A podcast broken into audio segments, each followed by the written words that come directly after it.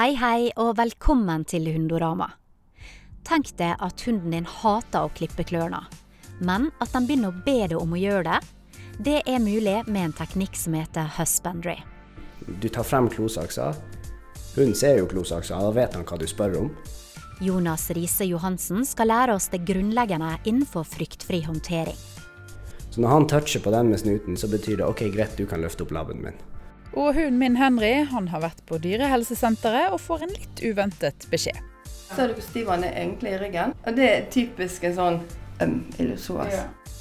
Veterinær Camilla Meltevik forklarer oss hva som er forskjellen på kastrering og sterilisering.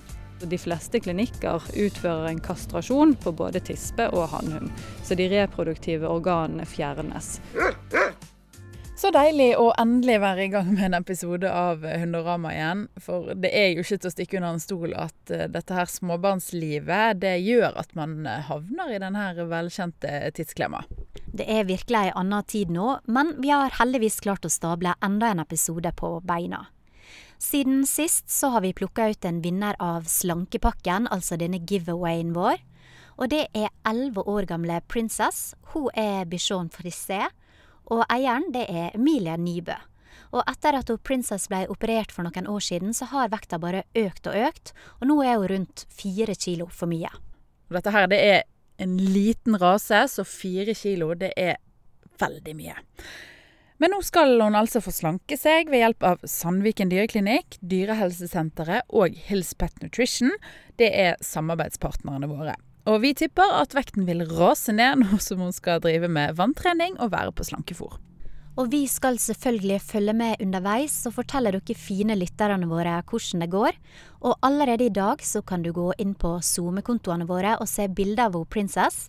Det var fra da hun var på helsesjekk på Sandviken dyreklinikk. Hun er så søt, så gå inn og se. Overvekt det er et veldig, veldig vanlig problem. Og en måte å hindre eh, hunden i å bli for tung på, det er jo det å holde den aktiv. Vi har vært eh, ute på gaten i Bergen og snakket med folk om hvordan de sørger for akkurat det. Hva gjør du for at hunden din skal få nok fysisk aktivitet? To turer dagen, ca. en halv times tid. Og hvilken rase har du? Shih tzu. Nå har jo ikke jeg så store hunder, sant? og det har jo jeg egentlig valgt med vilje. Men jeg går veldig mye. Hun har jo hofteleddsdysplasi, så bor jeg rett her på Skansen. Så jeg tar Fløibanen opp for at hun skal på en måte spare hoftene litt, og så kommer vi oss opp i skogen. Og da slipper jeg de løs, da.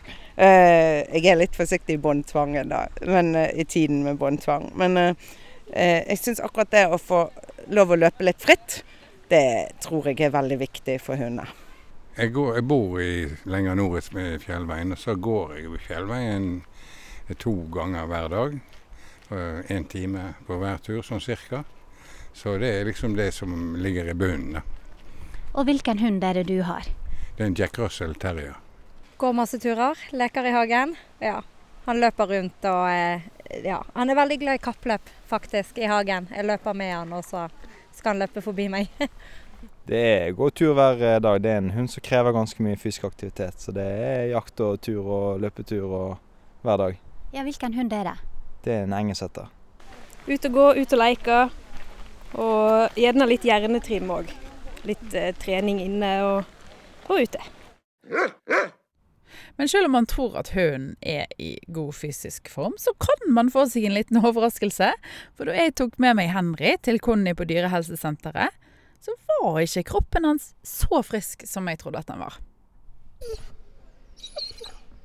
Og nå er det litt spennende her, fordi at Conny har sagt at hun skal kjenne litt på min hund Henry. For jeg tenker jo det at eh, oss eh, gjennomsnittlige hundeeiere, vi, eh, vi tenker jo ofte at vi hadde sett det hvis det var noe galt med hundene våre. Jeg liker i hvert fall å tro det. Så får vi se da om Henry er så frisk som jeg skal ha det til. Jeg håper jo det. Sånn, Henry. Skal vi inn til Conny nå? Nå er jeg veldig spent. Jeg håper jo at ikke du finner noe, for jeg liker jo å tenke at jeg, at jeg ville sett det. Men uh, nå har ikke jeg så trent øye som deg. Har han hatt noen skader, eller? Nei, ikke som, ikke som, jeg vet om, i hvert fall. Men ikke vært halvt, ikke vært uh... Nei. Eh, og han er HD-røntget, så han har A-hofter, skal i hvert fall han ha. Ja. Det som jeg gjør, er at jeg kjenner gjennom muskulaturen hans, spesielt over ryggen. Ja. Og så gjerne hvordan de går på forparten. Da ser, kjenner vi hvordan de går bak. Hvis de er veldig overbygget foran, eller de er veldig sånn skakk i muskulaturen foran. Ja, for jeg får alltid beskjed på utstilling at han er litt sånn smal i brystet og sånn. Kan det ha noe å si? Ja, de vil jo gå litt annerledes da, Ja. når de er smale i brystet. Men da har de jo ofte litt fremskutt skulder. da. Ja, det, Sant? At det er det han får òg, Ja. regner jeg med. Ja. Og det vil jo si at han beveger gjerne skuldrene litt annerledes enn en hund som ville hatt godt tilbakelagt skulder. Er det noe du kan kjenne nå når du tar på han? Kjenner at han er litt stram her, hvis du kan få kjenne sjøl. Hvis du kjenner Ja. her som jeg kjenner, sant? så er han litt stram her på Ja. begge sider. Kunne godt ha vært litt mykere. Så kjenner du jo at skuldrene hans er litt langt plassert foran. Og det som vi i hvert fall leter etter når vi holder på med litt sånn feilsøking, er jo varmeforskjell. Hvis en hund har belasta feil, så vil du òg kjenne det på varmeforskjell på muskulaturen. Flink, Så veldig fin ut sånn bare førsteinntrykk. Yes.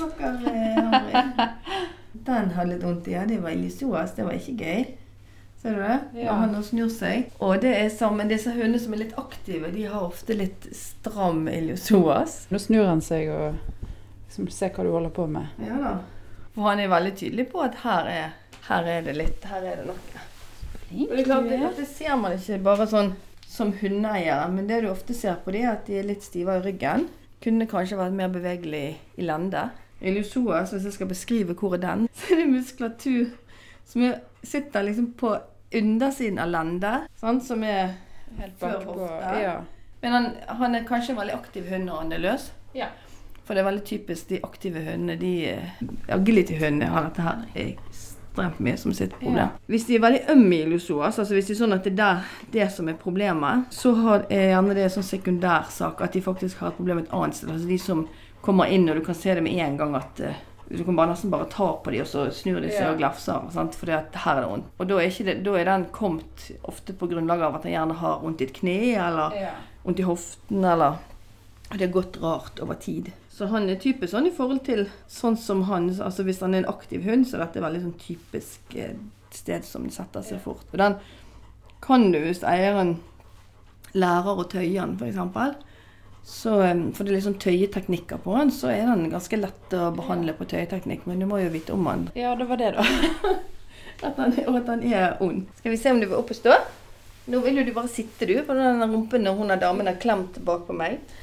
Kjempeskummelt. Men hvis du ser hvordan jeg jobber her nå, Ja. ser du hvor stiv han er egentlig i ryggen? Ja. Og det er typisk en sånn beskrivelse av han.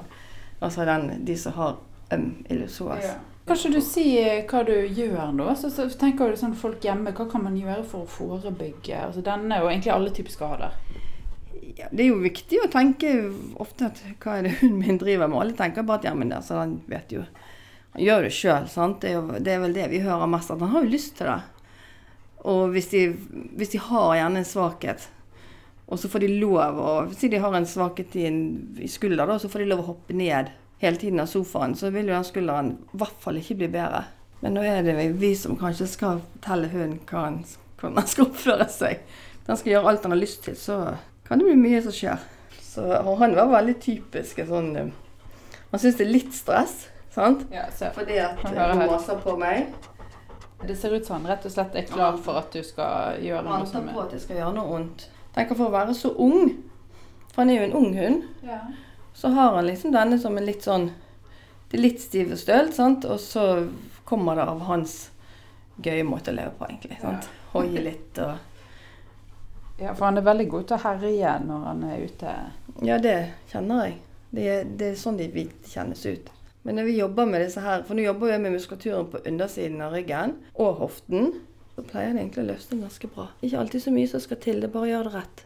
Ja, det er lett når du kan Hvis du det. ser, hvis du ser hvordan denne hoften er nå, sant? nå får du en myk hund. Ser han veldig løs og ledig ut, ja. Nå må vi nesten skru av rumpen.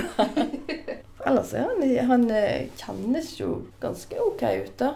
Ingenting som indikerer at han har Du sa han hadde A-hofter. Det Hvis han ikke hadde hatt A-hofter, så hadde han òg noe gnafset på meg. Bra, Henry! Men for de som da sitter, og dette er den, trene, altså den hunden som trener, Ja. og de, så det finner jo de. Ja. Han avslører seg med hvordan han jobber og hvordan liv han har. ja. Og det er jo bra, det.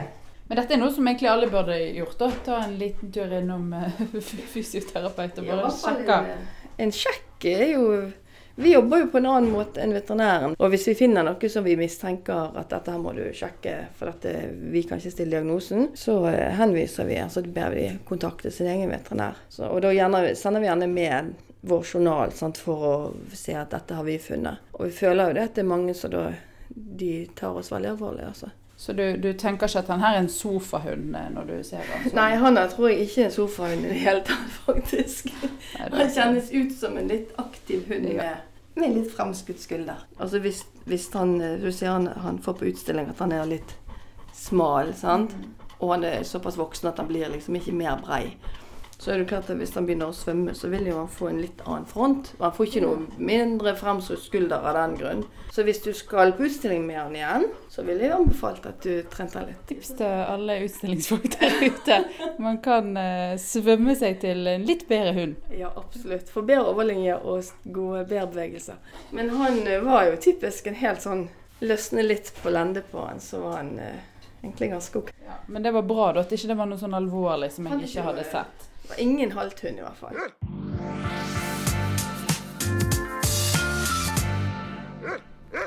Da er det tid for Spør veterinæren-spalta igjen, og som alltid så er jeg på Sandviken dyreklinikk i Bergen. Denne gangen så er det veterinær Camilla Meltvik som er med oss. Hei. Hei sann. Og denne gangen så skal det handle om kastrering. Hva er det som er grunnen til at vi kastrerer så få hunder i Norge, sammenlignet med sånn de gjør det i utlandet? I Norge så har vi dyrevelferdsloven, hvor paragraf 9 sier at det skal ikke gjøres operative inngrep eller fjernes kroppsdeler, f.eks. halekupering eller kastrering, uten at en veterinær mener at det er det beste for dyrets helse. Eh, Så i Norge så har jo vi ikke samme løshund, den samme løshundproblematikken som eh, i mange andre land. Eh, Så vi har ikke samme behovet for å begrense reproduksjon. Samtidig som at man ser jo også at det er en redusert sjanse for jursvulster, testikkelkreft, prostataproblematikk og sykdom i livmor, f.eks. kreft eller livmorbetennelse. Så det er jo alltid en diskusjon rundt dette. Så det gjøres egentlig individuelle vurderinger, men behovet for kastrasjon i Norge er nok ikke like stort som i utlandet. Men når er det man bør kastrere hunden sin, da? Altså Fordelen med å kastrere en hund eh, vil jo være at man forebygger sykdom som livmorbetennelse, kreft i eggstokker, kreft i, i patterekkene, kreft i prostata, prostataproblematikk osv. Så, videre. så har man en hund som har f.eks. prostataproblematikk, så er det definitivt anbefalt kastrasjon. Har man en hund som har prostatakreft, så anbefaler man også en kastrasjon. Så det må gjøres individuelle vurderinger for hvert individ og ved det sykdomsbildet som, som er hos det individet. Men endrer de seg da, disse her hundene som blir kastrerte? Man vil se noen eh, fysiologiske endringer, så de kan ha litt lettere for å legge på seg. De kan bli litt roligere i noen tilfeller, og noen kan få litt endret pelskvalitet. Så f.eks. har man hatt en, en hund med litt lang, eh, glatt pels, så kan han kanskje få litt mer bølgete pels. Men eh, de fleste vil ha samme eh, personlighet som mange er redd for, eh, men kanskje litt mer avslappet, litt roligere i mange tilfeller. Men hva da hvis tilfellet er en veldig vill hannhund? Altså, det man ser eh, med fordelen å kastrere en, en hund i forhold til eh, atferd, det er jo Altså, atferd kan være så mangt. Det kan være fryktaggresjon, det kan være aggresjon av andre årsaker. Så det man alltid anbefaler, det er egentlig hvis man eh, mistenker at den aggresjonen er på grunnlag av testosteronpåvirkningen, så anbefaler man gjerne en kjemisk kastrasjon først, for å se hvordan hunden vil være når den ikke har testosteronpåvirkningen i kroppen. Eh, fordi at vi ser også at noen hunder som har en fryktaggresjon, kan rett og slett bli usikre ved en kastrasjon. Og da er det veldig dumt å ha gjennomført en kirurgisk kastrasjon som ikke er reversibel, eh, kontra en kjemisk kastrasjon som en medisinsk behandling hvor denne vil gå ut av kroppen i løpet av ca. seks måneder. Så da har man på en måte en retrettmulighet. Der var du inne på mitt neste spørsmål, for hva er det som skjer i kroppen til disse hundene som blir kastrerte? Altså, det som skjer rent fysisk hos en tispe, betyr at, altså en kastrasjon, betyr at man fjerner livmor og eggstokker eh, kirurgisk. Hos en hannhund så betyr det at man fjerner da testiklene eh, kirurgisk. Og har hunden f.eks. Eh, at man mistenker en, eh, en svulst i testiklet, så fjerner man også det som vi kaller for skrotum, som egentlig da er selve huden, altså pungen. Eh, for at ikke det skal være i verste fall kreftceller igjen i i, hud eller eh, innsiden av pungen. Da. Så da fjernes alt. Så det vil si, det er det som, kall, som, som er en korrekt kastrasjon. Men så er det jo også noe som heter sterilisering. Hva er forskjellen på sterilisering og kastrering? Ja, altså Forskjellen det er egentlig at en kastrasjon betyr som sagt at man fjerner eh, de reproduktive organene til hunden, så testiklene hos en hannhund og livmor og eggstokker hos en tispe. Mens en sterilisering er egentlig da at man enten knyter av kirurgisk eller kutter av eh, egglederen eller eh, sædlederen, respektivt tispe og hannhund. Eh, men at organene blir igjen i kroppen. Så på folkemunne så ser vi ofte at de gjerne kaller en kastrasjon av en tispe for sterilisering, mens en eh, kastrasjon blir da ofte betegnet som en, en, et kirurgisk inngrep hvor hannhunden blir steril. Men det riktige er altså de fleste klinikker utfører en kastrasjon på både tispe og hannhund, så de reproduktive organene fjernes. Og Det er rett og slett fordi at det er veldig få tilfeller hvor det er eh, fornuftig å la f.eks. en livmor og eggstokker være igjen i tispen hvis den likevel skal være steril, i og med at man kan få sykdom i de organene på et senere tidspunkt. Nå har vi fått ei oppklaring én gang for alle. Tusen takk for at du ville forklare for oss. Bare hyggelig. Og nå så skal det handle om noe som kanskje er nytt for eh, noen. Det er en metode som kalles husbandry. Det går ut på å gjøre kjæledyret ditt trygg i en situasjon som kanskje har vært eh, stressende tidligere. Man lærer rett og slett dyret å ta kontroll over situasjonen. Og denne teknikken er mye brukt i trening av eksotiske dyr, og skal vi tro hundetrener eh, Jonas Riise Johansen, så funker den så bare det på hunder òg. Altså, husbandry i seg sjøl betyr jo husdyrhold, hvis man skal rett og slett uh, oversette det fra engelsk. Men i dette tilfellet med det kurskonseptet eh, som jeg har utvikla, så handler det jo om å trene hundene til å frivillig kunne delta i håndtering. Sånn som kloklipp eller vaksine eller veterinærsjekk osv. Og husbandry er jo veldig kjent i zoo-verden, og når det kommer til håndtering av eksotiske dyr. Um, rett og slett fordi at der har man ikke noe annet valg. Man må gjøre det på dyrene sine premisser. Uh, mens vi med hunder så har vi lett for å ta enkleste løsning. Eh, for vi har mulighet til å legge de i narkose eller holde de fast hvis vi må. Men hvordan går du fram for å lære hundene akkurat dette her, da? I korte trekk, du lærer inn en grunnatferd. Du lærer hunden å kunne gjøre den grunnatferden med litt forstyrrelser. Deretter etablerer du en startknapp-atferd og kjeder den til grunnatferden, før du da jobber med de triggerne da, som hun syns er skummelt. Altså at klosaksa kommer bort i labben eller bort i kloa, eller at du bøyer deg frem for å se godt, f.eks. Det er mange hunder som reagerer på det.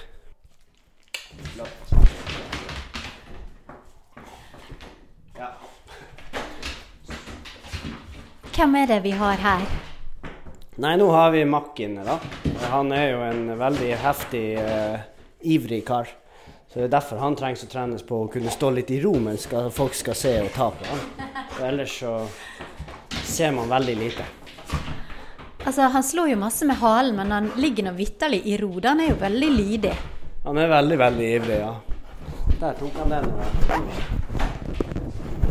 Mikrofonhetta får ikke være i fred her. Men hvilken rase er det her? Det er en jaktspringer.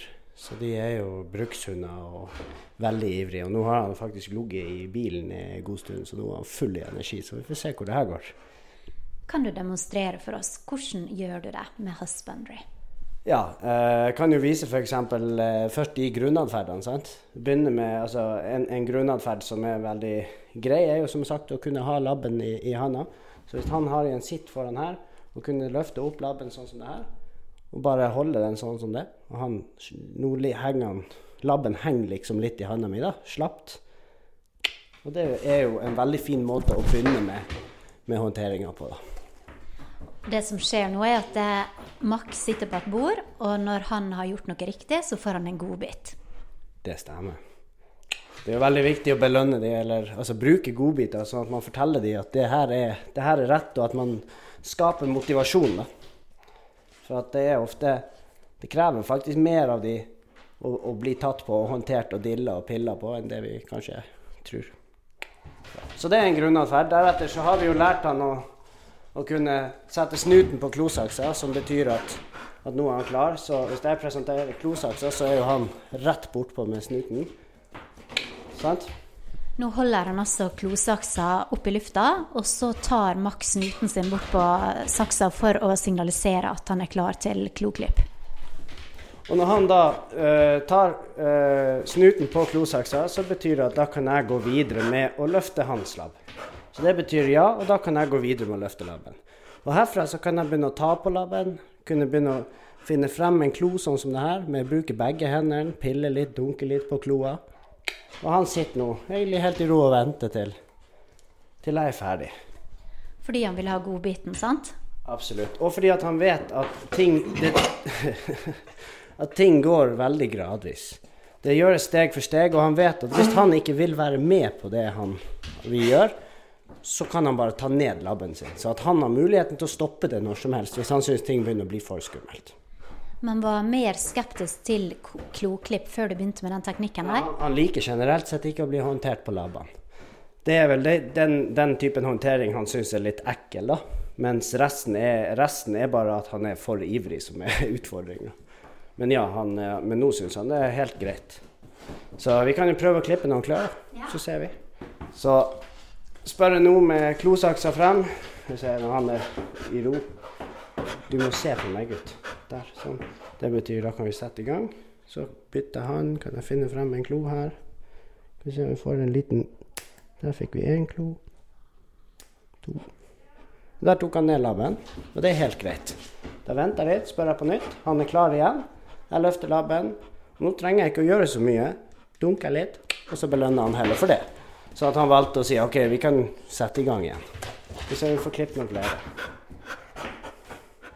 Og nå står hunden altså helt rolig og aksepterer at eh, Jonas utfører det han skal. Sånn, så da har vi på en måte klippet den ene labben. Hvorfor anbefaler du andre å eh, lære seg husbandry? Altså igjen, hun får et tillits, bedre tillitsforhold, fordi at eh, du bryter ikke noen grenser. Du gjør alt på hundens premisser. Det går raskere, sånn som nå. Vi har brukt eh, tre minutter, og vi klippte begge labbene. Eh, og det er mens jeg skulle multitaske og, og snakke og sånt. da. Eh, så så det, i lange løp så sparer det veldig mye tid. Og for de som har hunder i narkose f.eks., så sparer det også veldig mye penger og påkjenning. Så, så det øker jo dyrevelferden betraktelig å kunne gjøre håndteringa frivillig. Du har jo jobba med sjøløver på akvariet med denne teknikken. Nå med hunder. Hva har du fått til ved hjelp av den teknikken? Du kan bruke den til sykt mange forskjellige håndteringsrutiner, som jeg bruker å kalle det. da. Eh, Men altså, selvfølgelig kloklipp, tannpuss, veterinærsjekk, eh, pelsstell, ørerens, øyedråper. Eh, Du kan bruke den til å ta ultralyd og røntgen og lære hunden å ligge på sida frivillig i stedet for å holde seg fast. Eller holde den fast. Du kan bruke det til blodprøver, du kan bruke den til pelsklipp og ja, jeg vet ikke. Det er så sykt mange ting. Alt når du skal håndtere hunden, ta på, pille på, kan du bruke den. Fjerne flått. Og nå så har jo du starta opp Target hundesenter og reiser rundt i landet og holder ulike kurs i husbandry. Er dette her en ny trend? Uh, Husbandry-kurs det starta vi faktisk med i 2017. Eh, da hadde jeg første kurset i Drammen. Og siden 2017 så har det blitt flere og flere kurs, og siden Det har på en måte den siste tida blitt veldig mye mer fokus på frivillig og fryktfri håndtering.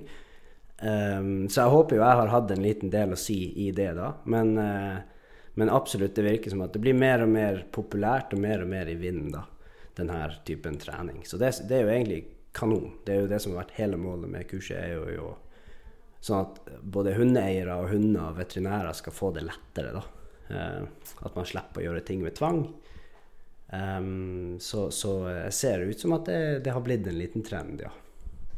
Hvilke hunder er det dette passer for? Passer det for alle?